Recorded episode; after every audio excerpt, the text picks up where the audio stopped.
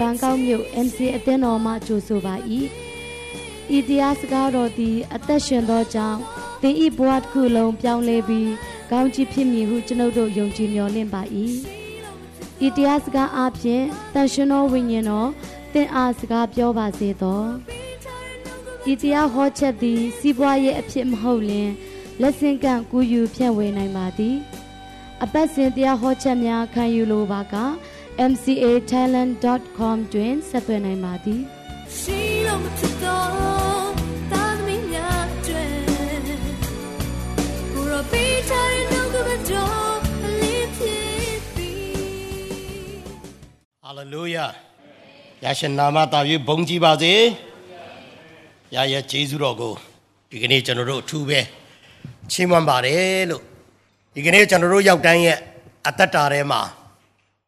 ဘုရားသခင်ကျင့်납တဲ့အသက်တာဘုရားသခင်စိတ်နဲ့တွေ့တဲ့အသက်တာရှိဖို့ဘုရားသခင်ကကျွန်တော်တို့ကိုအလိုရှိတယ်ဆိုတာကျွန်တော်တို့တွေ့ရပါတယ်ပြီးတဲ့အခါမှာကျွန်တော်တို့ရဲ့လူတယောက်နဲ့တယောက်ရဲ့ထိတွေ့ဆက်ဆံရတဲ့ဂျားထဲမှာလဲအာဇနီးတဲ့နဲ့ခင်ပွန်းတဲ့နဲ့ဂျားထဲမှာလဲတငယ်ချင်းတယောက်နဲ့တယောက်ရဲ့ဂျားထဲမှာလဲဆရာနဲ့တပည့်ရဲ့ဂျားထဲမှာလဲ အလုတ်ရှင်နဲ့အလုတ်သမားရဲ့ကြားထဲမှာလည်းအရေးကြီးဆုံးအချက်ကပါလဲဆိုရင်ယုံကြည်ခြင်းပဲလူတယောက်နဲ့တယောက်ယုံနေတယောက်နဲ့တယောက်ကြားထဲမှာတန်တရားဖြစ်တယ်ဆိုရင်ကျွန်တော်တို့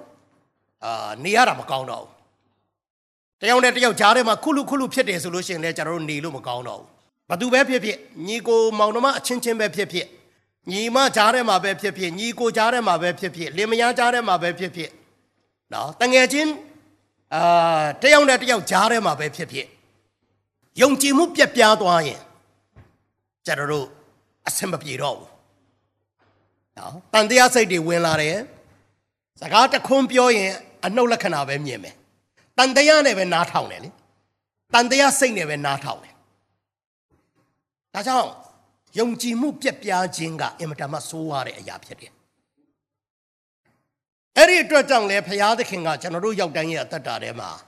ကျွန်တော်တို့ကိုကြည့်တဲ့အခါမှာစိတ်ဝင်စားဆုံးနဲ့ကျွန်တော်တို့ကိုဘာရှိတယ်လဲလို့ကြည့်တဲ့အခါမှာ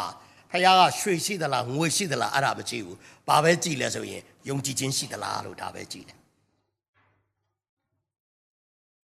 အဲ့ဒီယုံကြည်ခြင်းကအရေးကြီးပါတယ်ဖယားရှိမှလည်းအရေးကြီးတယ်လူလူချင်းရဲ့ကြားထဲမှာလည်းအင်မတန်မှအရေးကြီးတဲ့အရာတစ်ခုဖြစ်တယ် ပြီးရင်လောကမှာပြဿနာတွေအများကြီးရှိတယ်ဆိုးရတဲ့ပြဿနာလည်းရှိတယ်တိတ်မဆိုးရတဲ့ပြဿနာလည်းရှိတယ်ဟာစီးပွားရေးကိစ္စပဲဖြစ်ဖြစ်အာကျမရေးကိစ္စပဲဖြစ်ဖြစ်လူမှုရေးကိစ္စပဲဖြစ်ဖြစ်အမျိုးမျိုးသောနော်အသက်တရားမနေရပေမဲ့အမှုတရားပွေးရတယ်ဆိုတဲ့စကားရှိသည့်အတိုင်းပဲအမျိုးမျိုးသောအခက်အခဲပြဿနာတွေရှိတယ်အဲ့ဒီပြဿနာတွေအတွက်လည်းနှုတ်ကပတ်တော်ကိုကြည့်တဲ့အခါမှာအဖြေကတစ်ခုတည်းပဲရှိတယ် အဲ့ဒါဘာလဲဆိုရင်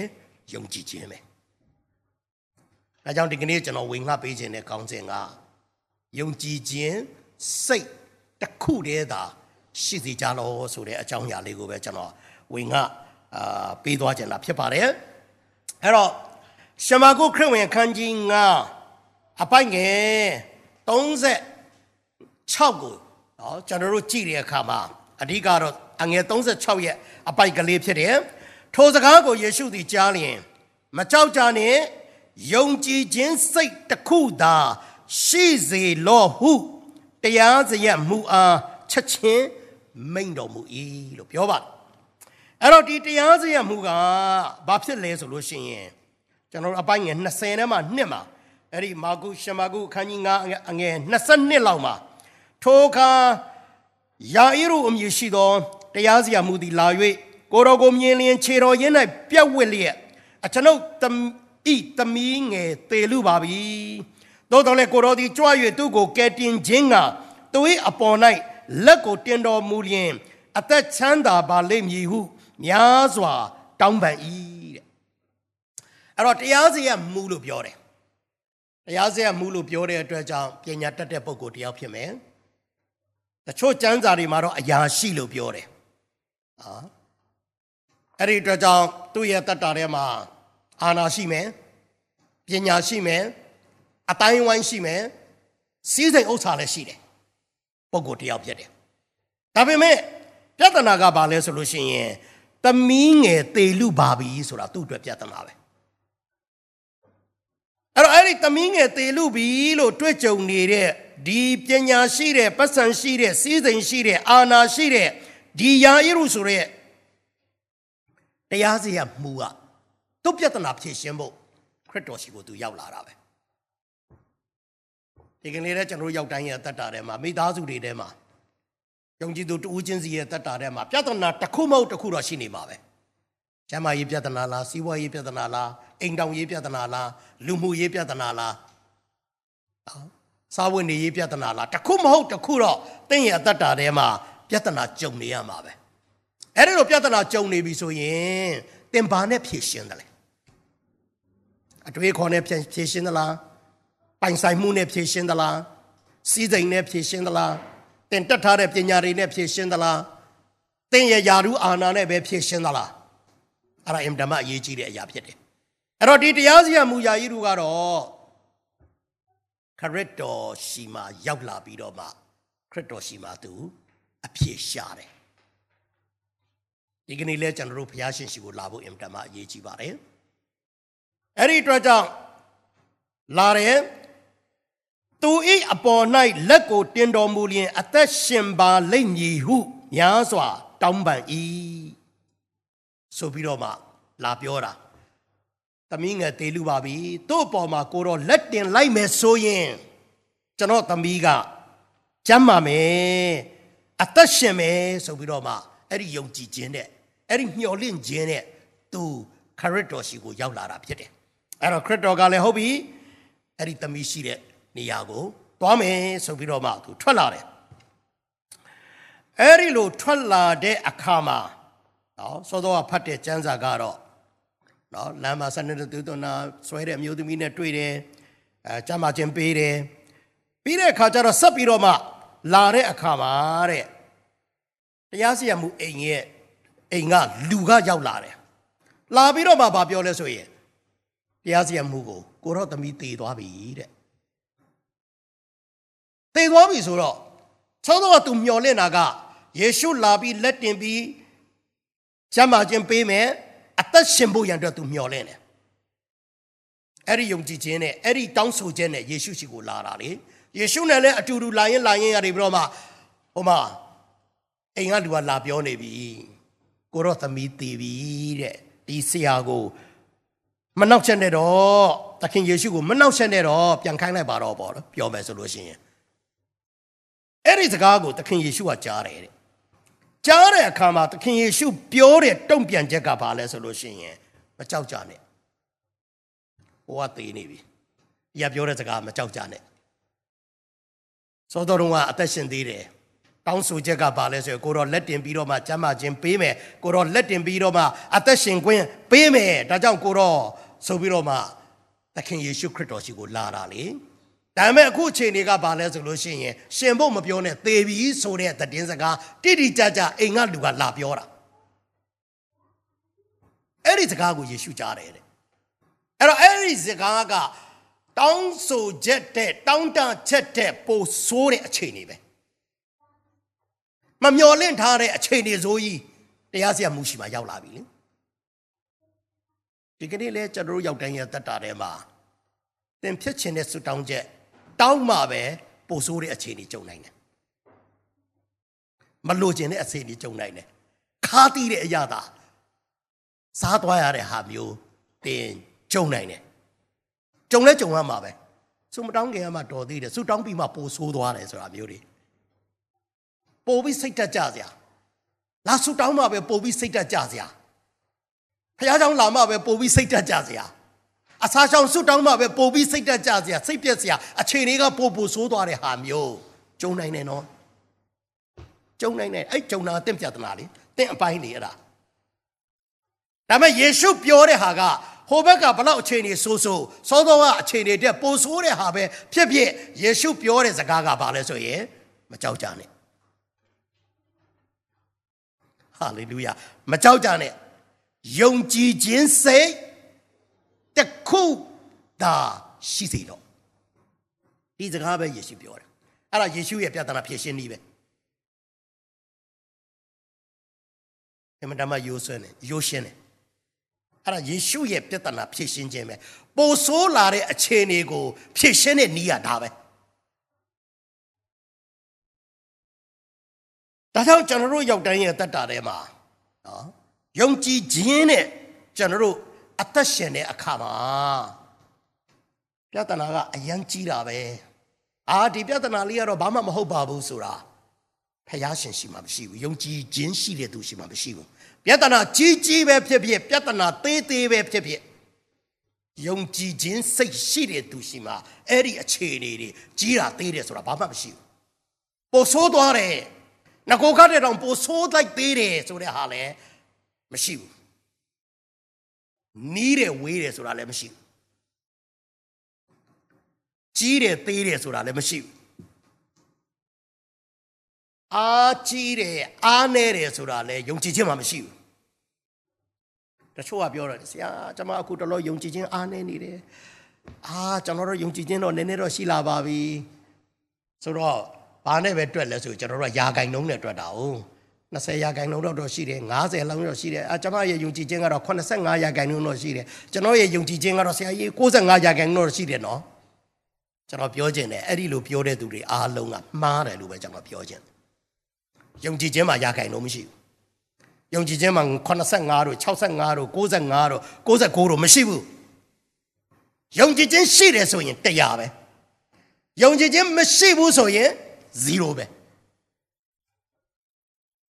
နည်းနည်းတော့ယုံတယ်ဆိုတာအဲ့ဒါမယုံလို့မယုံဘူးလို့ပဲအဲ့လိုပဲတတ်မှတ်အဲ့ဒါအညာမခံနဲ့ကျွန်တော်အဲ့လိုပြောခြင်းနဲ့အလိမ့်မခံနဲ့အာကျွန်တော်တို့65ကျွန်တော်တို့85ကျွန်တော်တို့65လောက်တော့ယုံပါတယ်ဆိုတာမျိုးလဲမလုံးနဲ့တင်ယုံကြည်ခြင်းရှိတယ်ဆိုရင်တရားပဲလုံးဝအောက်တုံတရားရာခိုင်နှုန်းပဲအဲ့ဒါကမရှိဘူးဆိုရင်0ပဲ ကြီးတယ်သေးတယ်ဆိုတာမရှိဘူးအားနည်းတယ်အားကြီးတယ်ဆိုတာကျွန်တော်တို့မရှိဘူးပြီးယုံကြည်ခြင်းနဲ့ပတ်သက်လာပြီးတော့မှနယ်မြေပိုင်းခြားသတ်မှတ်တာလည်းမရှိဘူးအဲ့ဒီအတွက်ကြောင့်ကျွန်တော်တို့ကြည့်တဲ့အခါမှာနော်သင်လောကကြီးကိုဘယ်လိုမြင်သလဲ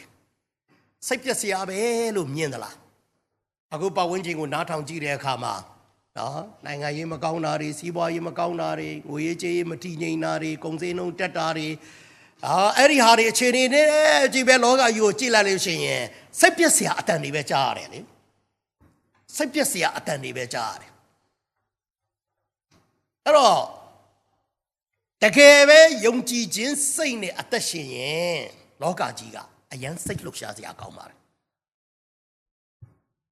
စိတ်ပြက်စရာအခြေအနေတွေရှိနေပေမဲ့လို့ယုံကြည်ခြင်းနဲ့အသက်ရှင်ရင်ဘာဖြစ်လဲစိတ်ပြက်လားစိတ်လှုပ်ရှားလားစိတ်လှုပ်ရှားစရာကောင်းတယ်အယမ်းစိတ်လှုပ်ရှားစရာကောင်းတယ်ယုံကြည်ခြင်းနဲ့အသက်ရှင်ရတဲ့အရာကရင်တလှက်လှက်ပဲရင်တလှက်လှက်ပဲယုံကြည်ခြင်းနဲ့အသက်ရှင်ရတာကဖယားဘာလုပ်အောင်မလဲဖယားဘလို့ပုံစံမျိုးနဲ့ လုတ်ပေးလိုက်အောင်မလဲဖယားကဘလို့ဟာမျိုးနဲ့ဘလို့အကွက်မျိုးနဲ့ဘလို့ဖြည့်ပေးလိုက်အောင်မလဲဆိုတာပဲတဲ့စိတ်လှုပ်ရှားစွာနဲ့စောင့်မျှော်ဖို့ပဲရှိတယ်ယုံကြည်ခြင်းနဲ့အသက်ရှင်တဲ့သူကစိတ်ပြက်စရာမရှိဘူး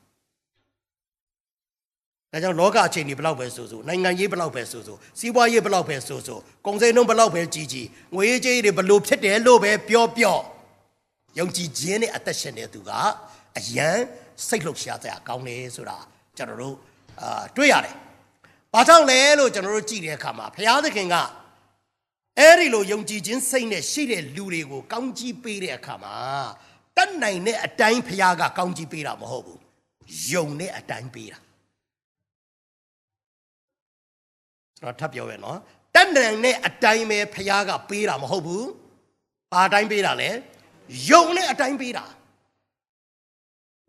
ယုံတဲ့အတိုင်းပေးတာ။လို့အနေအားဖြင့်ဆိုရင်တော့ငါတော့ဒီလောက်ပဲတတ်နိုင်တယ်ကွာလာတာလေ။လူတွေရှိရလာလို့ရှိရင်ငါတော့ဒီလောက်ပဲတတ်နိုင်တယ်နော်ဒါအာနာကုန်မဲနော်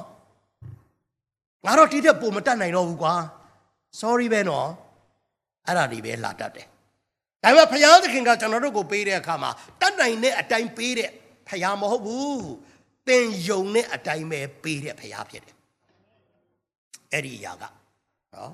ဒါကြောင့်ကျွန်တော်တို့ကြည့်တဲ့အခါမှာတရားစီရဲ့မူကသူတောင်းဆိုတဲ့တောင်းဆိုချက်ထက်ပိုဆိုးတဲ့အရာသူမထင်မထင်ဘယ်လိုခေါ်မလဲမထင်လဲမထင်မှတ်ဘူးမမျော်လဲမမျော်လင့်ဘူးသမီးသိမယ်ဆိုတာမလို့လဲမလို့ချင်ဘူးနော်သမီးသိမယ်လို့ဒါသူမျော်လင့်ထားရင်ယေရှုရှိလာစရာအကြောင်းမရှိဘူးလေ သမီးသိဖို့စိတ်ဆန္ဒတာရှိမယ်ဆိုယေရှုကိုသူလာရှာစရာအကြောင်းမရှိဘူးအဲ့တော့သူပါလဲသမီးသိဖို့မမျော်လင့်ဘူးသမီးသိဖို့မထင်မှတ်ထားဘူးသမီးသိတာမျိုးကိုလုံးဝမလိုချင်ဘူးဒါကြောင့်သူယေရှုရှိကိုလာလာပြီးပြောတဲ့အခါကျမှအဆိုးဆုံးအခြေအနေရောက်သွားတာလေသေပြီတခင်ကိုမနှောက်ရှက်နဲ့တော့ဆိုပြီးတော့ပဲလာပြောတာအဲဆိုတော့ကျွန်တော်ပြောသလိုပဲတခါတည်းမှာကျွန်တော်တို့ အခြေအနေတွေကပိုပိုဆိုးလာတဲ့ဟာမျိုးရှိကောင်းရှိနိုင်ပါတယ်နော်မတောင်းခင်တော့မှနည်းနည်းတော်သေးတယ်ဆူတောင်းပြီးမှပိုဆိုးသွားတယ်အစာမရှောင်ခင်တော့နည်းနည်းတော်သေးတယ်အစာရှောင်မှပိုဆိုးသွားတယ်အဲ့ဒါမျိုးတွေရှိနိုင်ပါတယ်ကြုံနိုင်ပါတယ်ဒါပေမဲ့အဲ့ဒီအရာကတင့်ရဲ့ယုံကြည်ခြင်းကိုဖျက်ဆီးစေတဲ့အရာပဲပိုဆိုးသွားတယ်ဆိုတဲ့အခြေအနေကတင့်ရဲ့ယုံကြည်ခြင်းကိုဖျက်ဆီးစေတဲ့အရာဖြစ်တယ်။ ဘာကြောင့်လဲဆိုရင်ယေရှုရဲ့တုံ့ပြန်ချက်ကပိုဆိုးလဲမကြောက်နဲ့ပဲ။ပိုမဆိုးခင်ကလည်းမကြောက်နဲ့ပဲ။ပိုမဆိုးခင်ကလည်းယုံကြည်ခြင်းစိတ်တစ်ခုတည်းရှိ။ပိုဆိုးသွားရင်လည်းယုံကြည်ခြင်းစိတ်တစ်ခုတည်းသာရှိ။ဘာကြောင့်လဲဆိုရင်ယေရှုအတွက်ကပြဿနာအားလုံးကိုဖြေရှင်းတဲ့လမ်းကတလမ်းနဲ့ပဲရှိတယ်။နှစ်လမ်းသုံးလမ်းမရှိဘူး။ကျွန်တော်တို့ကတော့ဟိုလမ်းကောင်းမယ်ဟိုလူနဲ့ကောင်းမယ်ဒီလူနဲ့စမပြေရင်ဒီလူ plan A တို့ plan B တို့ plan C တို့ကျွန်တော်တို့ကလုပ်တာလေ ယေရှုရှိမှာ plan A plan B plan C မရှိဘူးယေရှုရှိမှာတစ်မျိုးပဲရှိတယ်အဲ့ဒါဘာလဲဆိုရင်ယုံကြည်ခြင်းစိတ်တစ်ခုတည်းသာရှိစီလို့အဲ့ဒီအရာယေရှုရှိမှာပဲရှိတယ်ဒါကြောင့်ကျွန်တော်တို့ကြည့်တဲ့အခါမှာတရားစီရင်မှုကတေဖို့စဉ်းစားမှာမဟုတ်ဘူး။ तू ကဘာပဲမျောနေတာလဲဆိုရင်လက်ကိုလာတင်ရင်ကျမ်းမာမယ်လို့ပဲ तू ကယုံနေတာလေ။ အဲ့ဒါသူ့ရဲ့မျောလင့်ချက်။အဲ့ဒါသူ့ရဲ့ယုံကြည်ခြင်း။အဲ့ဒီလိုတောင်းဆိုပြီးမှသေသွားပြီဆိုတဲ့ဟာကပို့ဆိုးတဲ့အခြေအနေဖြစ်တယ်။နော်။ဒါကြောင့်ကျွန်တော်တို့ကဘာဖြစ်ဖို့လို့လဲဆိုရင်အစိုးဆုံးအခြေအနေနဲ့ကြုံရင်တောင်မှသင်အကောင်းဆုံးဖြစ်လာဖို့လိုအပ်တာကဘာလဲဆိုရင်ယုံကြည်ခြင်းပဲ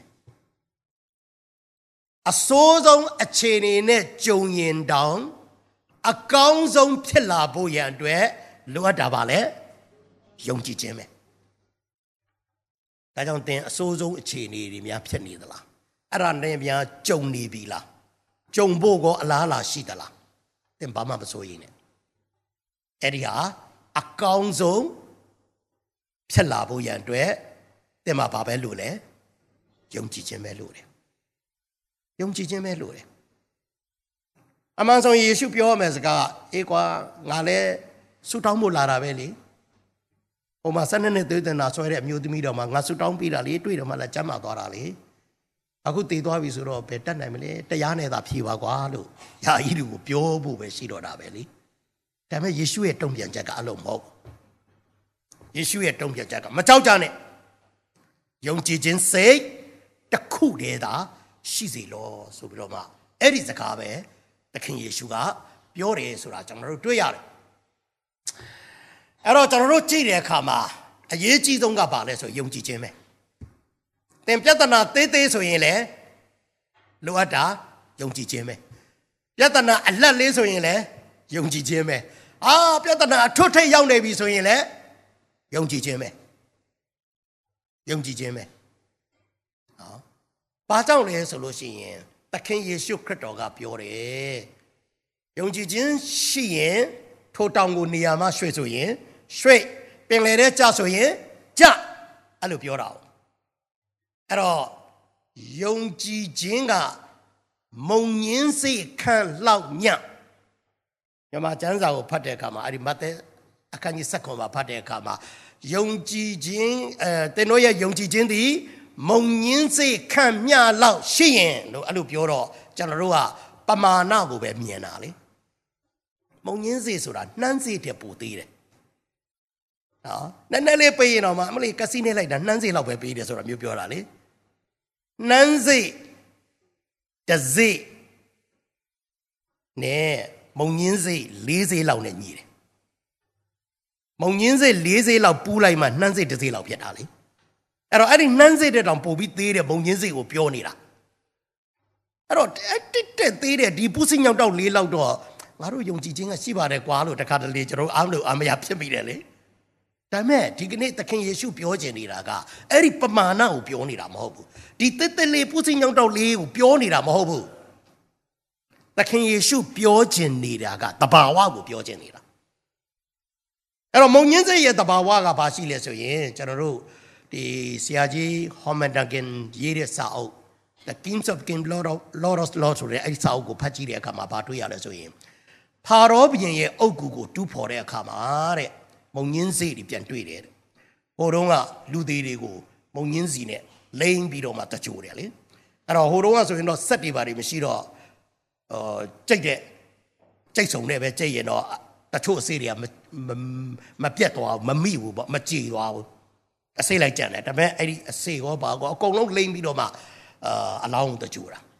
အဲ့ဒါကြောင့်ဖာရောဘုရင်အုပ်ကိုပြန်တူးတဲ့အခါမှာမုံညင်းစေးတွေပြန်တွေ့တယ်တွေ့တော့အဲ့ဒီမုံညင်းစေးကိုတက်တန်းဆက်လိုက်တဲ့အခါကျတော့တက်တန်း2000ရှိနေပြီတဲ့အဲ့ဒီအစေးကိုစိုက်တဲ့အခါကျတော့ပေါက်တယ်တဲ့အဲ့တော့အစိတ်တွေမှာတချို့အစိတ်တွေက9နှစ်ခံတယ်3နှစ်ခံတယ်ဟိုမှာစဘာတွေဆိုလို့ရှိရင်ကျွန်တော်တို့တစ်နှစ်နှစ်နှစ်လောက်ပဲခံမယ်ကြော်ရင်စိုက်လို့မရတော့ဘူးလေအသက်မရှိတော့ဘူး ဒါပေမဲ့အစိတ်ထဲမှာထူးဆန်းတာကအဲ့ဒီမုံညင်းစေးကဘယ်တော့မှမသေးတဲ့အသက်သူ့ရှိမှရှိတယ်တဲ့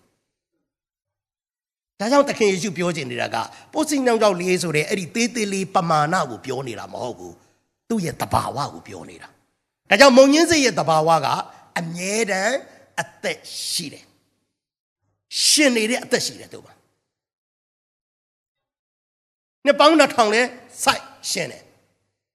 နှစ်ပေါင်းသုံးထောင်လဲစိုက်ရှင်တယ်အဲ့ဒီလိုယုံကြည်ခြင်းမျိုးတနည်းအားဖြင့်ပြောမယ်ဆို living faith ရှင်နေတဲ့ယုံကြည်ခြင်းအသက်ရှင်တဲ့ယုံကြည်ခြင်းအဲ့ဒီလိုယုံကြည်ခြင်းမျိုးကိုဒီကနေ့ဖခင်ကလိုချင်တာဖြစ်တယ်အဲ့ဒီလိုရှင်နေတဲ့ယုံကြည်ခြင်းရှိမယ်ဆိုရင်တဲ့တောင်တွေကိုရွှေ့ဆိုရင်ရွှေ့သွားတယ်တဲ့ပင်လေတဲ့ကြဆိုရင်ကြမယ်လို့သခင်ယေရှုခရစ်တော်ကပြောခြင်းဖြစ်တယ်ဆိုတာကျွန်တော်တို့တွေ့ရပါ ဒါကြောင့်ကျွန်တော်တို့ရဲ့ယုံကြည်ခြင်းအပေါ်မှာကျွန်တော်တို့နော်ေဘေဩဝါဒဆံပါဆိုဘာပါလဲဆိုရင်ကြားရတဲ့တရားစကားကိုယုံကြည်ခြင်းနဲ့ရောနှောတဲ့အခါမှာအကျိုးရှိတယ်လို့ပြောတာလေအဲ့တော့ဆိုလိုချင်တာကဘာလဲဆိုလို့ရှိရင်သင်နှုတ်ကပတ်တော်ကြားတဲ့အတိုင်းပဲလက်တွေ့လုပ်ပါလို့ပြောနေတာဘာကြောင့်လဲဆိုရင်ယုံကြည်ခြင်းဆိုတာကြားနာခြင်းအလားကြားနာခြင်းဆိုတာဖခင်ရဲ့စကားတော်အလားဒါကြောင့်ဖခင်စကားကြားတဲ့အတိုင်းပဲ သင်ဘာမှတန်တရားမရှိနဲ့ဖះစကားကြားတဲ့အတိုင်းပဲသင်ဘာမှတွေးဝေမနေနဲ့ဖះပြောရင်ပြောတဲ့အတိုင်းပဲချက်ချင်းထားလုပ်လိုက်အဲ့ဒါအသက်ရှင်တဲ့ယုံကြည်ခြင်းပဲအဲ့ဒီလှုပ်ရှားမှုနဲ့သင်ယောနောပြရမှာလက်တွေ့နာခံမှုနဲ့ယောနောပြရမှာဒါကြောင့်ခရစ်တော်ကိုယ်တိုင်ကကြား၍နားထောင်တဲ့သူကကြောက်ပေါ်မှာစောက်တဲ့အိမ်ကြားပြီးနားမထောင်တဲ့သူကသဲပေါ်မှာစောက်တဲ့လူမိုက်အဲ့လိုပြောတာလေ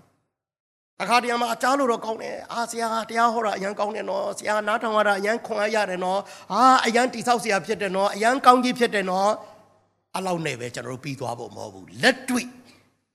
လက်တွေ့နာခံပြီးလက်လျှောက်တဲ့အသက်တာကတင့်ရဲ့အသက်တာကိုအကျိုးဖြစ်စေမှာအဲ့ဒီယုံကြည်ခြင်းမျိုးကိုဘုရားကလိုချင်နေတာဖြစ်တယ်ဒါကြောင့်သခင်ယေရှုခရစ်တော်ကလည်းအဲ့ဒီယုံကြည်ခြင်းကိုပဲသူက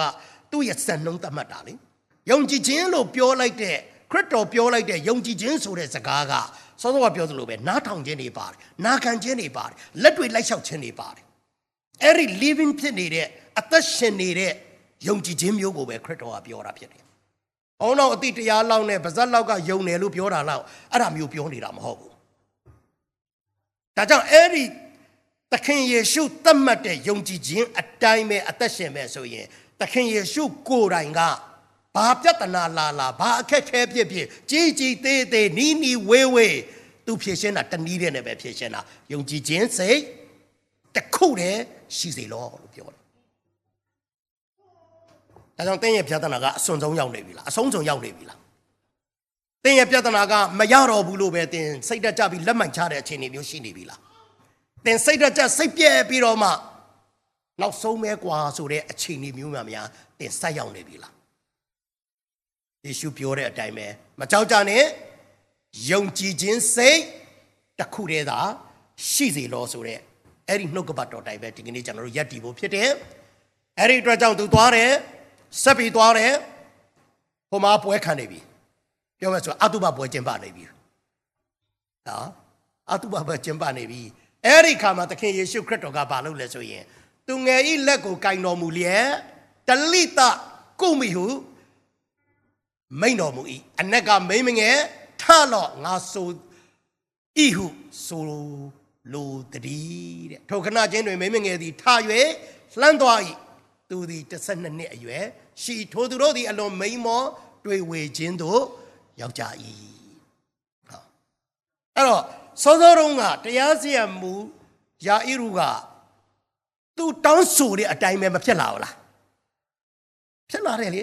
ဘာကြောင့်လဲသူတောင်းဆိုတာကကိုတော့ကြွလာပြီးတော့မှဒီသမီးပေါ်မှာလက်ကိုတင်ပြီးအသက်ရှင်ခွင့်ပေးပါလို့ပြောတာလေပြောတဲ့အတိုင်းဖြစ်လာတယ်လေဒီမှာဂျားထဲမှာအဲ့ဒီပြောတဲ့အတိုင်းမဖြစ်လာအောင်ပို့ဆိုးတဲ့အခြေအနေဆိုစောစောပြောတာအဲ့ဒါပဲမဖြစ်လာအောင်တောင်းတတဲ့အတိုင်းတောင်းဆိုတဲ့အတိုင်းယုံတဲ့အတိုင်းမဖြစ်လာတဲ့အခြေအနေတွေရှိနိုင်တယ်အဲ့ဒါဟာမျိုးဆိုရင်တင်ဘယ်တော့မှလက်မလျှော့နဲ့ ဆရာကမနှောက်ရှက်နဲ့တော့ဘာလို့နှောက်ရှက်တာလဲပြန်လွတ်လိုက်ပါတော့ဆိုတဲ့ဟာတွေရှိလာလိမ့်မယ်လက်လျှော့လိုက်ပါတော့နောက်ဆုတ်လိုက်ပါတော့ဆိုတဲ့ဟာတွေရှိလာနိုင်တယ်ပိုဆိုးတဲ့အခြေအနေရှိလာနိုင်တယ်တရားနဲ့သာဖြေပါကွာဆိုတဲ့ဟာမျိုးရှိလာနိုင်တယ်ဒါပေမဲ့တင်ပါယုံတယ်လေလက်ကိုတင်ပြီးအသက်ရှင်ခွင့်ပေးပါဆိုတဲ့တောင်းဆိုချက်အတိုင်းပဲသခင်ယေရှုကလုပ်မယ်ဖေဟာသဘောတူလို့လဲသူလိုက်လာတာလေ တရားစီရင်မှုလာပြောကြတဲ့ကယေရှုကသဘောတူပြီးသားအဲ့ဒါဒါကြောင့်သူသဘောတူပြီးသားကိစ္စကဘာနဲ့မှဖြတ်လို့မရအောင်အဲ့ဒါကိုဒီကနေ့ကျွန်တော်တို့သိဖို့အရေးကြီးပါတယ်ဒါကြောင့်တင်ဖျားနဲ့တင်နဲ့ဘယ်လိုသဘောတူလဲတင်ဖျားပေါ်မှာဘယ်လိုသဘောထားမျိုးရှိလဲတင်ဖျားပေါ်မှာဘာတောင်းဆိုတယ်လဲဘယ်လိုယုံတယ်လဲသင်ရဲ့တောင်းဆိုချက်ကိုဘုရားကဘလို့တုံ့ပြန်တယ်ဘလို့သဘောတူညီချက်ရှိထားပြီးပြီလေ အဲ့ဒီသဘောတူညီချက်ရှိထားပြီးတဲ့အပေါ်မှာပဲဘုရားကအလုံးလုံးမဲ့ဘုရားဖြစ်တယ်ဆိုတာကျွန်တော်တို့တွေ့ရအဲ့ဒီလိုလာရင်းနဲ့၁၂နှစ်သေးသွန်းတာဆွဲတဲ့အမျိုးသမီးနဲ့တွေ့တယ်လေလမ်းမှာတွေ့တော့ဒီ၁၂နှစ်သွေးသွန်းတာဆွဲတဲ့အမျိုးသမီးကနော်များစွာသောစေးသမားတို့လက်၌အလွန်ခံရ၍ဥစ္စာရှိသမျှကုံတော်လဲသက်တာမရသည်သာမကအနာတိုးသောမိန်းမတစ်ယောက်သည်ရှိတဲ့ပတ်စံလဲကုံပြီယောဂါကလည်း မပြောက်ဘူးစေးသမားရှိသမျှစီလည်းရောက်ပြီဆရာဝန်မှန်သမျှအားလုံးလည်းပြပေးပြီဘာမှမထူးခြားလာဘူးမထူးခြားတဲ့အပြင်ပိုတောင်ယောဂါကဆိုလာတယ်ကိုယ်စရာလည်းပတ်စံမရှိတော့ဘူးအဲ့ဒီမျိုးသမီး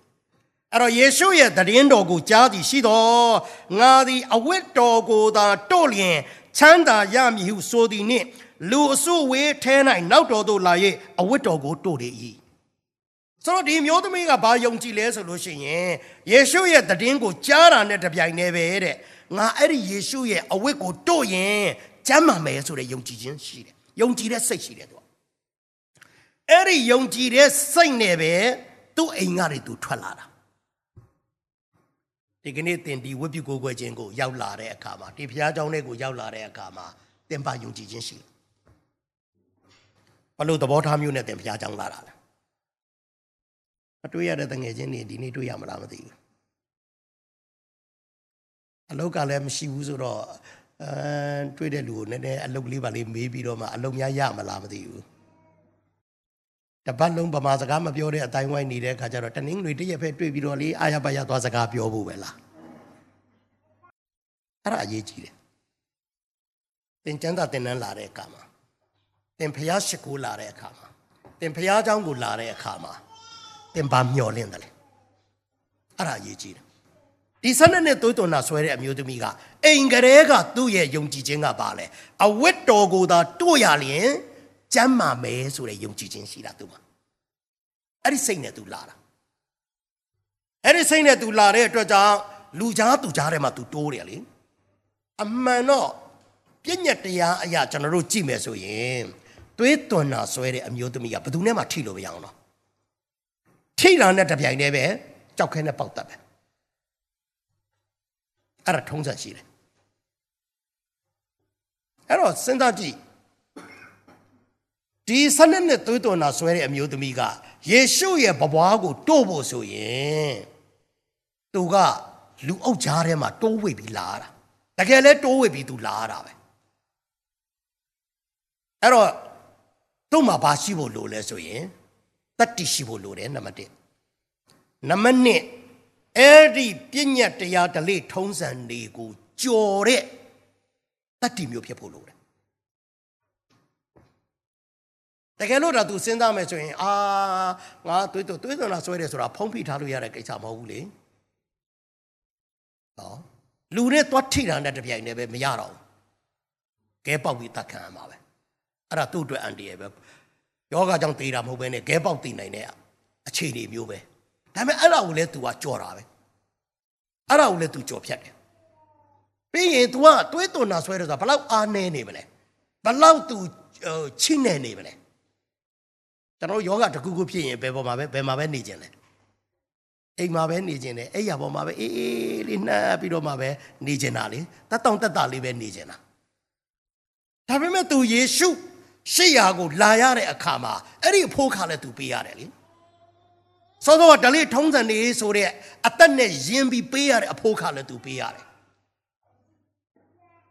တိုးဝေပြီးသူလာရတာယေရှုရှိတဲ့နေရာကိုလည်းရောက်လာတယ်လူကြားသူကြားထဲမှာလည်းတိုးဝေပြီးသူလာတယ်နောက်ဆုံးသူယုံထားတဲ့အတိုင်းပဲယေရှုရဲ့ဘဘလေးကိုတွားပြီးတော့တာနဲ့တပြိုင်တည်းပဲ အဲ့ဒီမှာဘာဖြစ်သွားလဲဆိုရင်အသွေးစုဝေးရခန်းချောက်ပြီးတော့မှဆနစ်နှစ်လုံးလုံးခံနေရတဲ့ယောဂါကချက်ချင်းပြောက်သွားတယ်ဟာလေလုယာအဲ့ဒီချိန်မှာချက်ချင်းပဲယေရှုကရက်လိုက်တယ်ငါ့ငါ့ငါ့ငါ့ကိုဘယ်သူတို့တာလဲတဲ့အဲ့တော့တပည့်တွေကကိုတော့ဘာဖြစ်လို့အဲ့ဒီမေးခွန်းရှောက်မေးနေတာဒီမှာလူအုပ်ကြီးတဲ့သွားနေတာလေဟိုလူကတိုးမိဒီလူကတိုင်မိဟိုကတရောင်နဲ့တွက်လိုက်ဟိုကပခုံးချင်းတိုက်လိုက်ဖြစ်မှာပေါ့ ဘာဖြစ်လို့ဒီမေးခွန်းမေးတာလဲတဲ့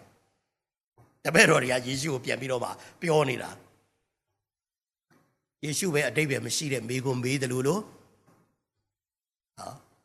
အဲ့တော့ယေရှုကဘာပြောလဲဆိုလို့ရှိရင်ထိုယောဂနှိပ်စက်ခြင်းနှင့်ကင်းလွတ်ပြီဟုမိမိကိုယ်၌သိလေ၏ယေရှုသည်မိမိကိုယ်မှတကိုးထွက်သည်ကိုချက်ချင်းသိတော်မူလျင်နောက်တော်သို့ မူလျင်လူစုဝေး၌နောက်သို့လှဲ့၍ငါအဝတ်ကိုဘသူတို့တနည်းဟုမေးတော်မူ၏တပည့်တော်တို့ကလူစုဝေးတို့သည်ကိုတို့အားထိခိုက်ကြသည်ကိုမြင်လျက်ပင်ငါကိုအဘယ်သူတို့တနည်းဟုမေးတော်မူပါသည်တကားဟုရှောက်ကြတော်ကိုတော်သည်ထိုတို့ပြုသောသူကိုမြင်ခြင်းငါပတ်လေသို့ကြည့်ရှုတော်မူ၏ထိုမိမသည်ကို၌အဘယ်သို့ဖြစ်သည်ကိုသိသောကြောင့်ကြောက်ရွံတုန်လှုပ်လျက်အထံတော်သို့လာပြီးလျင်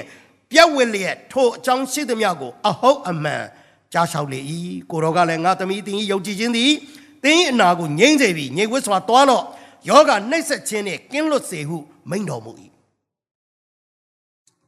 ငါကောကတကူထွက်သွားတယ်အဲ့ဒီအတွက်ကြောင့်ကျွန်တော်တို့ဘာအရေးကြီးလဲဆိုရင်တကိုးထွက်တဲ့ယုံကြည်ခြင်းရှိဖို့လိုတယ်ယုံတော့ယုံတာပဲဒါပေမဲ့တချို့ကတကိုးမထွက်ဘူးအခုဒီမှာတကိုးထွက်သွားတယ်တဲ့ ယေရှုကိုဟိုလူကလည်းတိုက်မိတာပဲဟိုလူကလည်းတထောင်နဲ့တွက်မိတာပဲဟိုလူကလည်းပခုံးချင်းတိုက်မိတာပဲလေဘာမှမဖြစ်ဘူးအဲ့ဒါဘာမှမဖြစ်ဘူးခရီးသွားဟန်လဲလာတိုက်မိတာဘာမှမဖြစ်ဘူးသင်အဲ့အုပ်စုတွေများများပါနေသလားဘုရားကြောင့်တော့လာနေတာပဲဘာမှမဖြစ်ဘူးအာခရိယန်ဖြစ်တာလဲကြာပြီပြောင်းလဲတာလဲကြာပြီခရိယန်တက်တန်းလဲရင်းလာပြီဘာမှမဖြစ်ဘူးဘယ်နဲ့မှမတည်ဘူးဆိုရင်တော့တေးကြတယ်တင်ခရီးသွားဟန်လွယ်လူအုပ်စုကြီးထဲမှာရှိနေတဲ့အုပ်စုဖြစ်လိမ့်မယ် ဒါပေမဲ့အဲ့ဒီလူကြားထဲမှာပဲရှိနေတဲ့သွေးသွန်နာဆွဲတဲ့အမျိုးသမီးကယုံကြည်ခြင်းစိတ်နဲ့လာတို့တဲ့အခါမှာခရစ်တော်ရှိကတကူထွက်တယ်ဒီကနေ့လဲတင်အဲ့ဒီစနစ်နဲ့သွေးသွန်နာဆွဲတဲ့အမျိုးသမီးကဲ့သို့ယုံကြည်ခြင်းစိတ်နဲ့တင်ဝတ်ပြုကိုယ်ကွယ်ခြင်းကိုလာဖို့လိုတယ်။ကျမ်းစာတင်နှံလာဖို့လိုတယ်တရားစကားတွေနားထောင်ဖို့လိုတယ်ကိုကိုယ်တိုင်တယောက်တည်းစံစာဖတ်ရင်တော့မှ ယုံကြည်ခြင်းစိတ်နဲ့စံစာဖတ်မှတကူထွက်မှာဖတ်နေကြမလို့အကျင့်ပါလို့ထုံးစံရှိလို့ခရိယန်တယောက်မလို့ဘုရားကျောင်းသွားမှာပေါ့ပွဲတော်စားမှာပေါ့စံစာတင်နှံတဲ့မှာပေါ့ဆိုတာလောက်နဲ့ဆိုရင်တော့ဘုရားရှိခိုးတကူထွက်မှာမဟုတ်ဒီကနေ့တကူထွက်တဲ့ယုံကြည်ခြင်းကိုဘုရားကလိုချင်တယ်ဒါကြောင့်အဲ့ဒီသူ့ကိုကငါ့ကိုကတကိုးထွက်တယ်ဆိုတာကိုနော်ယေရှုသိပြီးတော့မှ တောက်လက်ကြည့်လိုက်တဲ့အခါမှာအဲ့ဒီမျိုးသမီးကဝန်ခံပြီ။ဒါကြောင့်ဆက်ပြီးယောဂနှိမ့်ဆက်ခြင်းနဲ့ကင်းလွတ်ပြီးတဲ့နာငြိမ့်စေပြီးငြိမ်ဝတ်စွာသွားတော်ယောဂနှိမ့်ဆက်ခြင်းနဲ့ကင်းလွတ်စေဆိုပြီးတော့မှယေရှုပြောလိုက်တယ်။ဒါကြောင့်ဒီအမျိုးသမီးကဘဘွားကိုတို့မှကျမ်းမာမယ်ဆိုတဲ့ယုံကြည်ခြင်းသူ့မှာရှိတော့တို့မှကျမ်းမာတာလေ။အဲ့ဒီစိတ်နဲ့လာတို့ဖို့အရေးကြီးတယ်အဲ့ဒီတို့ဖို့ရန်အတွက်အဖိုးခါတွေပေးဖို့လိုတယ်အဲ့ဒါ action ပဲ အဲ့ဒါယုံကြည်ခြင်းရဲ့ action ပဲယုံကြည်ခြင်းကိုပုံဖော်တဲ့အရာတွေကအဲ့ဒါပဲစောတော့ကဲပေါက်တက်ခံရမယ်ဒလိထုံးစံကိုကြော်ရမယ်အာအာနေချိနေပြီးတော့မှသွေးတော်နာဆွဲနေတော့ဘလို့မှလှုပ်ချင်ကန်ချင်စိတ်နည်းနည်းလေးမှတော့မှနော်သွားခြင်းလှမ်းခြင်းနဲ့စိတ်မရှိပေမဲ့ယုံကြည်ခြင်းစိတ်နဲ့ तू အဲ့ဒါတွေကိုကြော်ရတက်တောင့်တက်တာမနေဘူးတက်တောင့်တက်တာဇုံတွေကထွက်လာဖို့အရေးကြီးတယ်ယုံကြည်ခြင်းနဲ့အသက်ရှင်တဲ့သူက ဒါကြောင့်အဲ့ဒီမှာတကိုးထွက်တဲ့ယုံကြည်ခြင်းဒီအမျိုးသမီးရှိမှာရောက်လာတယ်ဆိုတာကျွန်တော်တို့အာတွေ့ရတယ်နော်ဒါကြောင့်ကြီးမားတဲ့အဖို့ခပေးရတယ်အဲ့ဒီအရာတွေသူဘာမှခယူမဆိုင်တော့ဘူးယုံကြည်ခြင်းစိတ်တစ်ခုတည်းနဲ့ပဲလာတို့တာဖြစ်တယ်ဆိုတာကျွန်တော်တို့အာတွေ့ရတယ်အဲ့တော့ကျွန်တော်တို့ဘဝရဲ့အောင်မြင်မှုအတိုင်းတာနော်ဧရိယာအကျယ်ဝင်းက ပတ်ဝန်းကျင်ကတတ်မှတ်ပေးတာမဟုတ်ဘူးခေတ်ကာလကတတ်မှတ်ပေးတာမဟုတ်ဘူးဟိုလူဒီလူကလည်းတတ်မှတ်ပေးတာမဟုတ်ဘူးဘာကပဲတတ်မှတ်ပေးတာလဲဆိုရင်ယုံကြည်ခြင်းကပဲတတ်မှတ်ပေးတာဖြစ်တယ်ဒါကြောင့်အာခေတ်ကောင်းလို့ကျွန်တော်တို့နေနေပဲကျယ်ဝင်းလာတယ်အောင်မြင်လာတယ်ကြီးပွားလာတယ်မဟုတ်ဘူးခေတ်ဆိုးလို့အာငါတို့တော့ရှုံးပြီငါတို့တော့စီးပွားပြက်ပြီငါတို့တော့နောက်ကောက်ကြပြီမဟုတ်ဘူးယုံကြည်သူအတွက် ဘယ်ခေတ်ကာလပဲဖြစ်ဖြစ်ဘယ်အခြေအနေပဲဖြစ်ဖြစ်ဘယ်နိုင်ငံပဲရောက်ရောက်ဘယ်မြို့ပဲရောက်ရောက်ယုံကြည်ခြင်းကပဲကျွန်တော်တို့ရဲ့အသက်တာကိုတတ်မှတ်ပေးတာဖြစ်တယ်အဲ့ဒါအင်ဗမာအရေးကြီးတဲ့အရာဖြစ်ပါတယ်အခါတည်းမှာကျွန်တော်တို့ကခေတ်ကာလအခြေအနေကိုကြည့်တယ်တိုင်းပြည်အခြေအနေကိုကြည့်တယ်ဒီခေတ်ကဒီလိုဖြစ်နေပြီဒီအခြေအနေကဒီလိုဖြစ်နေပြီ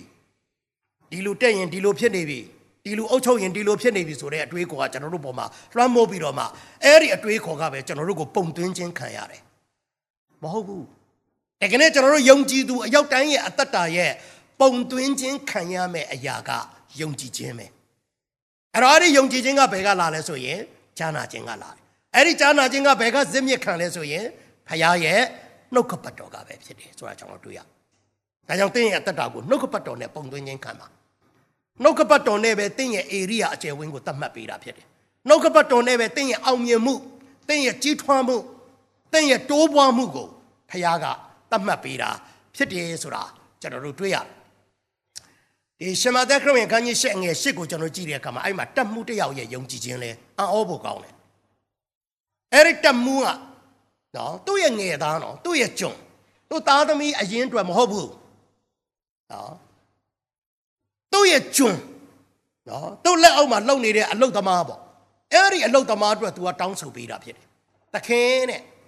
ကျွန်တော်ဤအိမ်မိုးအောက်သို့ကြွဝင်တော်မူခြင်းကျေးဇူးကိုကျွန်တော်မခံထိုက်ပါဘူးတဲ့အမိန်တော်တခွန်းရှိလျင်ကျွန်တော်ဤငယ်သားသည်ချမ်းသာရပါလိမ့်မည်ယေရှုကအိမ်သွားပြီးဆုတောင်းမှုလာသွားမယ်လို့ပြောတော့တမှုကဘောဘူးကိုတော့တဲ့ ကျွန်တော်အိမ်မိုးအောက်ကိုကိုတော့ကြွဝင်ဖို့ရန်အတွက်တောင်မှကျွန်တော်ကမခံတိုက်ပါဘူးတဲ့ဒီကတွေပဲကိုတော့အမိန်တခွန်းရှိမယ်ဆိုရင်တဲ့ကျွန်တော်ရဲ့ငယ်သားကျမ်းပါမယ်ကျွန်တော်ရဲ့ငယ်သားချမ်းသာမယ်အဲ့ဒါကြောင့်သခင်ယေရှုရှိတဲ့နေရာနဲ့ဒီတက်မှုရဲ့ငယ်သားမကျမ်းမာမှာဖြစ်နေတဲ့ဟာကဘလောက်ဝေးလဲကျွန်တော်မပြောတတ်ဘူးလေဘယ်နှမိုင်ဝေးလဲမပြောတတ်ဘူးဒါပေမဲ့အဲ့ဒါအရေးမကြီးဘူးအရေးကြီးတာပါလဲဆိုရင်အမိန်တော်တခွန်း အဲ့ဒါကအရေးကြီးဒါကြောင့်သခင်ယေရှုကိုယ်တိုင်ကဒီတက်မှုကိုကြည်တန်းနဲ့တဒီလောက်ယုံကြည်ခြင်းနဲ့ဣသရေလအမျိုးထဲမှာတော့ငါရှာလို့မတွေ့ဘူးတဲ့ဒါကြောင့်သခင်ယေရှုခရစ်တော်ကအဲ့ဒီနေရာကတွေပဲအမိန်တော်တခွန်းယေရှုရဲ့နှုတ်တော်ထွက်စကားယေရှုရဲ့နှုတ်ကပတ်တော်အတန်ကိုစေလွတ်လိုက်တဲ့အခါမှာဘလောက်ဝေးလဲမပြောတတ်ဘူးဟိုကငယ်သားကဘာဖြစ်သွားပြီလဲဆိုရင်ကျမ်းမာသွားပြီလေဒါကြောင့်ယုံကြည်ခြင်းဆိုတာအနီးဝေးမရှိဘူး အကြီးအသေးလည်းမရှိဘူးအနီးဝေးလည်းမရှိဘူးယုံကြည်ခြင်းစိတ်တစ်ခုတည်းသာရှိသေးလို့လို့ကျမ်းစာကဒီကနေ့ကျွန်တော်တို့ကိုပြောခြင်းဖြစ်တယ်ဒါကြောင့်တမှုဟာတင်သွားလို့ယုံကြည်သည်နှင့်ညီတင်၌ဖြစ်စေဟုမိန့်တော်မူ၏ထိုခဏချင်းတွင်သူ၏ငယ်သားသည်အနာရောဂါကင်း၍တတ်တာခြင်းသို့ရောက်လေ၏လို့ဖော်ပြတယ်ဆိုတာကျွန်တော်တို့တွေ့ရပါတယ်ဒါကြောင့်ပတ်စံအိတ်ထဲမှာပတ်စံအပြည့်ထည့်သွားပြီးတော့မှ shopping ပတ်ရင် ကြိုက်တာဝယ်လို့မရဘူးလားရတာပေါ့လိုချင်တာတွေအကုန်လုံးဝယ်လို့ရတယ်လေအဲ့ဒီတိုင်းမှာပဲတင်းရဲ့တက်တာထဲမှာယုံကြည်ခြင်းကိုသာအပြည့်တင်းအိတ်ထောက်ထဲမှာထည့်သွားတင်းတက်တာထဲမှာရှိမယ်ဆိုရင်တင်းလှုပ်ချင်တဲ့အရာတွေလှုပ်လို့ရတယ်တင်းစိတ်နှလုံးအလိုပြည့်စုံလာတော့အခွင့်ကိုဘုရားကပေးလိမ့်မယ်အရေးကြီးဆုံးကပါလဲဆိုရင်ယုံကြည်ခြင်းစိတ်တစ်ခုတည်းပဲအရာခတ်သိမ်းကိုတင်ယုံကြည်ခြင်းနဲ့ရယူနိုင်တယ် ပတ်စံရှိတိုင်းအရာခတ်သိမ်းမရအောင်နော်ပတ်စံရှိတိုင်းအရာခတ်သိမ်းမရဘူးဒါကြောင့်တင်ပတ်စံတော့မလိုက်နဲ့ယုံကြည်ခြင်းတော့လိုက်တချို့ကပတ်စံရှိရင်အားလုံးအဆင်ပြေတယ်နော် money made everything အဲ့ဒါမျိုးခံယူတာလေပတ်စံရှိလို့ဒုက္ခရောက်သွားတဲ့သူတွေအများကြီးပဲပတ်စံနောက်လိုက်လို့ဒုက္ခရောက်သွားတဲ့သူတွေအများကြီးပဲဒီကနေ့အရေးကြီးဆုံးကတင်ယုံကြည်ခြင်းနောက်ကိုလိုက်ဖို့အရေးကြီးတယ်ဒါကြောင့်မကြောက်ကြနဲ့ယုံကြည်ခြင်းစိတ်တစ်ခုတည်းသာရှိသေးလို့ ကြောက်ရမယ့်အခြေအနေတွေရှိနေလို့ရှိနိုင်ပါတယ်တွေ့နိုင်ပါတယ်ဒါပေမဲ့ဘလို့အခြေအနေပဲရှိရှိစွမတောင်းခင်ကနဲ့ဆွတောင်းပြီးတဲ့ပိုဆိုးတဲ့အခြေအနေပဲရှိရှိသခင်ယေရှုတုံ့ပြန်ချက်ကတစ်ခုတည်းပဲမကြောက်ကြနဲ့ယုံကြည်ခြင်းစိတ်တစ်ခုတည်းသာရှိသေးတော့ဒါကြောင့်ကျွန်တော်တို့ရဲ့ယုံကြည်ခြင်းနယ်ပယ်နော်ယုံကြည်ခြင်းကျင်းနေရင်သင်ရဲ့နယ်ပယ်ကျင်းပါပဲသင်ယုံကြည်ခြင်းကြီးရင်သင်ရဲ့နယ်ပယ်ဟာကြီးလာပါပဲ ယုံကြည်ခြင်းအပြည့်ရှိရင်ပြောတယ်စောစောပြောတယ်လို့ယာကိုင်နှုတ်တွက်တာမဟုတ်ဘူးနော်ဟာအာအစိတ်ရှိတယ်30ရှိတယ်50ရှိတယ်မဟုတ်ဘူးသင်ယုံကြည်ခြင်းနဲ့အသက်ရှင်ရင်သင်ရဲ့နယ်ပယ်ဟာကြီးမားလာမှာပဲနော်တခါတည်းမှာကျွန်တော်တို့ရောက်တိုင်းရဲ့တတ်တာတယ်ဟိုပြဿနာတော့ယုံနိုင်တယ်ဒီပြဿနာတော့မယုံရဲဘူးအဲ့ဒါမျိုးတွေရှိတတ်တယ်လေဒီကိစ္စကတော့ဖြစ်နိုင်တယ်ဒီကိစ္စကတော့မဖြစ်နိုင်ဘူးထင်တယ်ဆိုတဲ့ဟာမျိုးရှိတတ်ပါတယ်အဲ့ဒါတွေအားလုံးကိုကျွန်တော်တို့ကြော်လိုက်ဖို့အရေးကြီးတယ်အရာခတ်သိမ်း ဖျားတတ်နိုင်တယ်ဖျားသခင်ရှိမှကြီးမားတဲ့ပြဿနာသိမ်းမွားတဲ့ပြဿနာဆိုတာမရှိဘူးယုံကြည်ခြင်းစိတ်တစ်ခုတည်းသာရှိသေးတော့ဒါကြောင့်ယုံကြည်ခြင်းသမားတွေရဲ့ပါဇက်ကိုပိတ်လို့မရဘူးတဲ့နော်ယုံကြည်ခြင်းသမားတွေရဲ့ပါဇက်ကိုဘာနဲ့မှပိတ်လို့မရဘူးတဲ့သေသွားရင်တော့မှအတန်ထွက်တယ်တဲ့ယုံကြည်ခြင်းသမားဘယ်သူကိုတွေ့ရလဲဆိုရင်အာဘေလရဲ့အသက်တာလေအာဘေလသည်သေလွန်တော်လဲအ သက်ရှင်သေး၏ဆိုတာအဲ့ဒါပဲတရားဟောတယ်အဲ့ဒါယုံကြည်ခြင်းသမားလေယုံကြည်ခြင်းနဲ့အသက်ရှင်ခဲ့တဲ့ပုံကိုပဲအာဘေလကနော်ဒါကြောင့်ဒီကနေ့ကျွန်တော်တို့ရောက်တိုင်းရဲ့အသက်တာထဲမှာယုံကြည်ခြင်းနဲ့ဒီကနေ့ကျွန်တော်တို့အသက်ရှင်ရဒါကြောင့်တရားစီရင်မှုရအယူရဲ့ယုံကြည်ခြင်း၁၂နှစ်သွေးသွန်းတာဆွဲတဲ့အမျိုးသမီးရဲ့ယုံကြည်ခြင်းတတ်မှုရဲ့ယုံကြည်ခြင်းအဲ့ဒီအရာတွေအားလုံးအတွက် သခင်ယေရှုတောင်းဆိုတဲ့အရာတစ်ခုကတော့ယုံကြည်ခြင်းစိတ်တစ်ခုသာရှိစေလောဆိုတဲ့အရာနဲ့ပဲအရာခတ်သိမ်းကိုကျွန်တော်တို့ဖြတ်ကျော်ကြရအောင်အာမင်ဒါကြောင့်အခုချိန်မှာကျွန်တော်တို့အားလုံးမတက်ရရတင့်ရဲ့ပြဿနာကိုဘုရားကိုပြောပါဘုရားရှိရာအဖြေကတော့ယုံကြည်ခြင်းစိတ်တစ်ခုတည်းသာရှိစေလောလို့ပြောပါတယ်တင့်ရဲ့ခက်ခဲတင်းရဲ့ကြီးမားတယ်တင်းရဲ့နောက်ဆုံးချိန်တွေ တင်းအန္တရာယ်ကြရောက်တော့မယ်တင်းဒုက္ခအကြီးကျယ်ရောက်တော့မယ်တင်းစိတ်တက်ကြပြီးစိတ်ပြတ်နေတဲ့အခြေအနေမျိုးတွေဘာပဲရှိရှိအဲ့ဒီအရာအားလုံးကိုဖြည့်ရှင်းပေးမယ့်အရာကယုံကြည်ခြင်းစိတ်ပဲဖြစ်တယ်ယုံကြည်ခြင်းနဲ့ပဲတောင်းတွေကိုရွှေ့နိုင်တယ်ယုံကြည်ခြင်းနဲ့ပဲအဲ့ဒီပြဿနာတွေကပင်လေတွေကိုကြာသွားမှာဖြစ်တယ်ဒါကြောင့်အသက်ရှင်တဲ့ယုံကြည်ခြင်း living faith ယုံကြည်ခြင်းနဲ့ရှင်သောအကျင့်နော် ပင်နေတဲ့ယုံကြည်ခြင်းမဟုတ်ဘူးရှင်တဲ့ယုံကြည်ခြင်းနဲ့ကျွန်တော်တို့ရောက်တိုင်းရဲ့အသက်တာထဲမှာဘုရားစကားကိုကြားပြီးတော့မှကြားတဲ့အတိုင်းပဲယုံကြည်ခြင်းနဲ့လက်တွေအသက်ရှင်ပြီးယုံကြည်သောစိတ်နဲ့ပဲအရာခတ်သိမ်းကိုဒီကနေ့ကျွန်တော်တို့ကြော်ဖြတ်ကြရအောင်အရာခတ်သိမ်းကိုကျွန်တော်တို့အောင်မြင်ကြရအောင်လို့အားလုံးအတူတကွပဲကျွန်တော်တို့ဆုတောင်းကြရအောင်လို့အဆုံးမှာတော့အားလုံးအတူတကွပဲကျွန်တော်တို့အာဆုတောင်းကြရအောင် နော်ကိုပြဿနာကိုဖះကိုပြောပါကိုရဲ့ခက်ခဲဖះကိုပြောပါယုံကြည်ခြင်းစိတ်နဲ့ပဲကျွန်တော်တို့အားလုံးအတူတကွဆုတောင်းကြပါစို့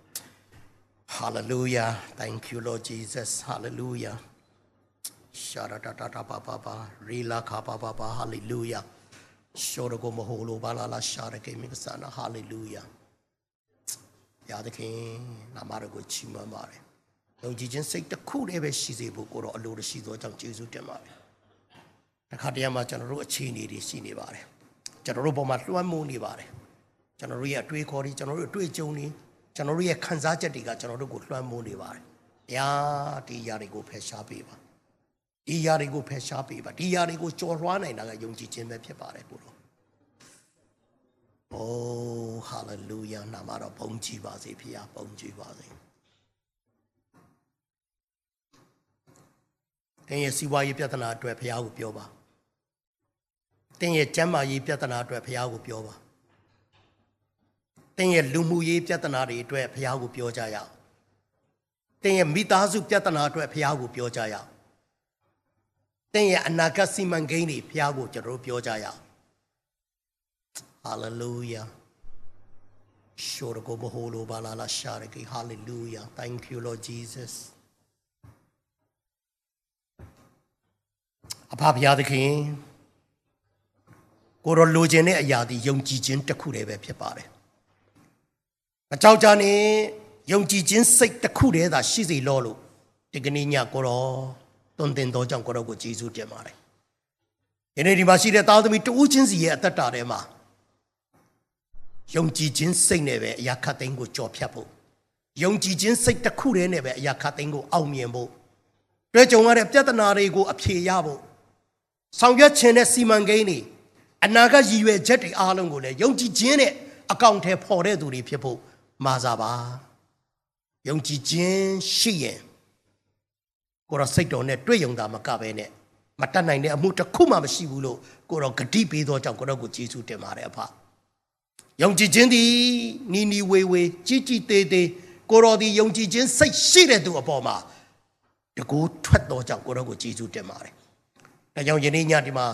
မိမိရဲ့ပြဿနာမိမိရဲ့အခက်အခဲတွေအတွက်ဆွတောင်းနေတဲ့သူတွေစက္ကန့်နေတဲ့သူတွေတဦးချင်းစီရဲ့အသက်တာပေါ်မှာကိုရောဖရားရဲ့အံ့ဩဖွယ်တကူတဲ့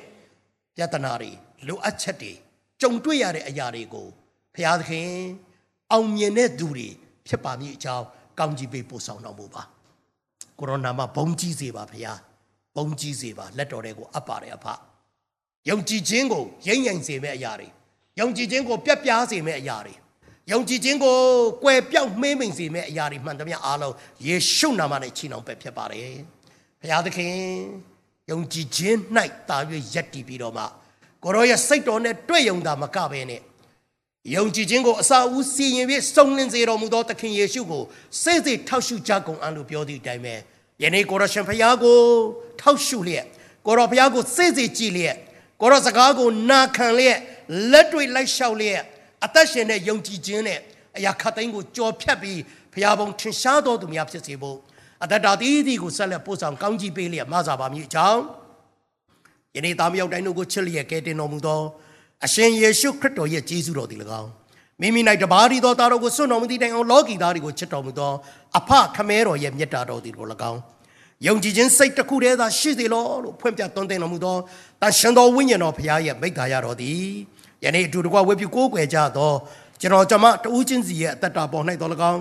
ဆက်ဆိုင်လျက်ရှိကြတဲ့မိဘဆွေမျိုးညီကိုမောင်နှမအိမ်သူအိမ်သားအရောက်တိုင်းရဲ့အသက်တာပေါ်၌တော်၎င်းအသင်းတော်ပေါ်၌တော်၎င်းယခုမှစ၍ကာလအစဉ်မြဲတက်ရောက်တည်ရှိတည်နေပါစေသောအာမင်အာမင်အာ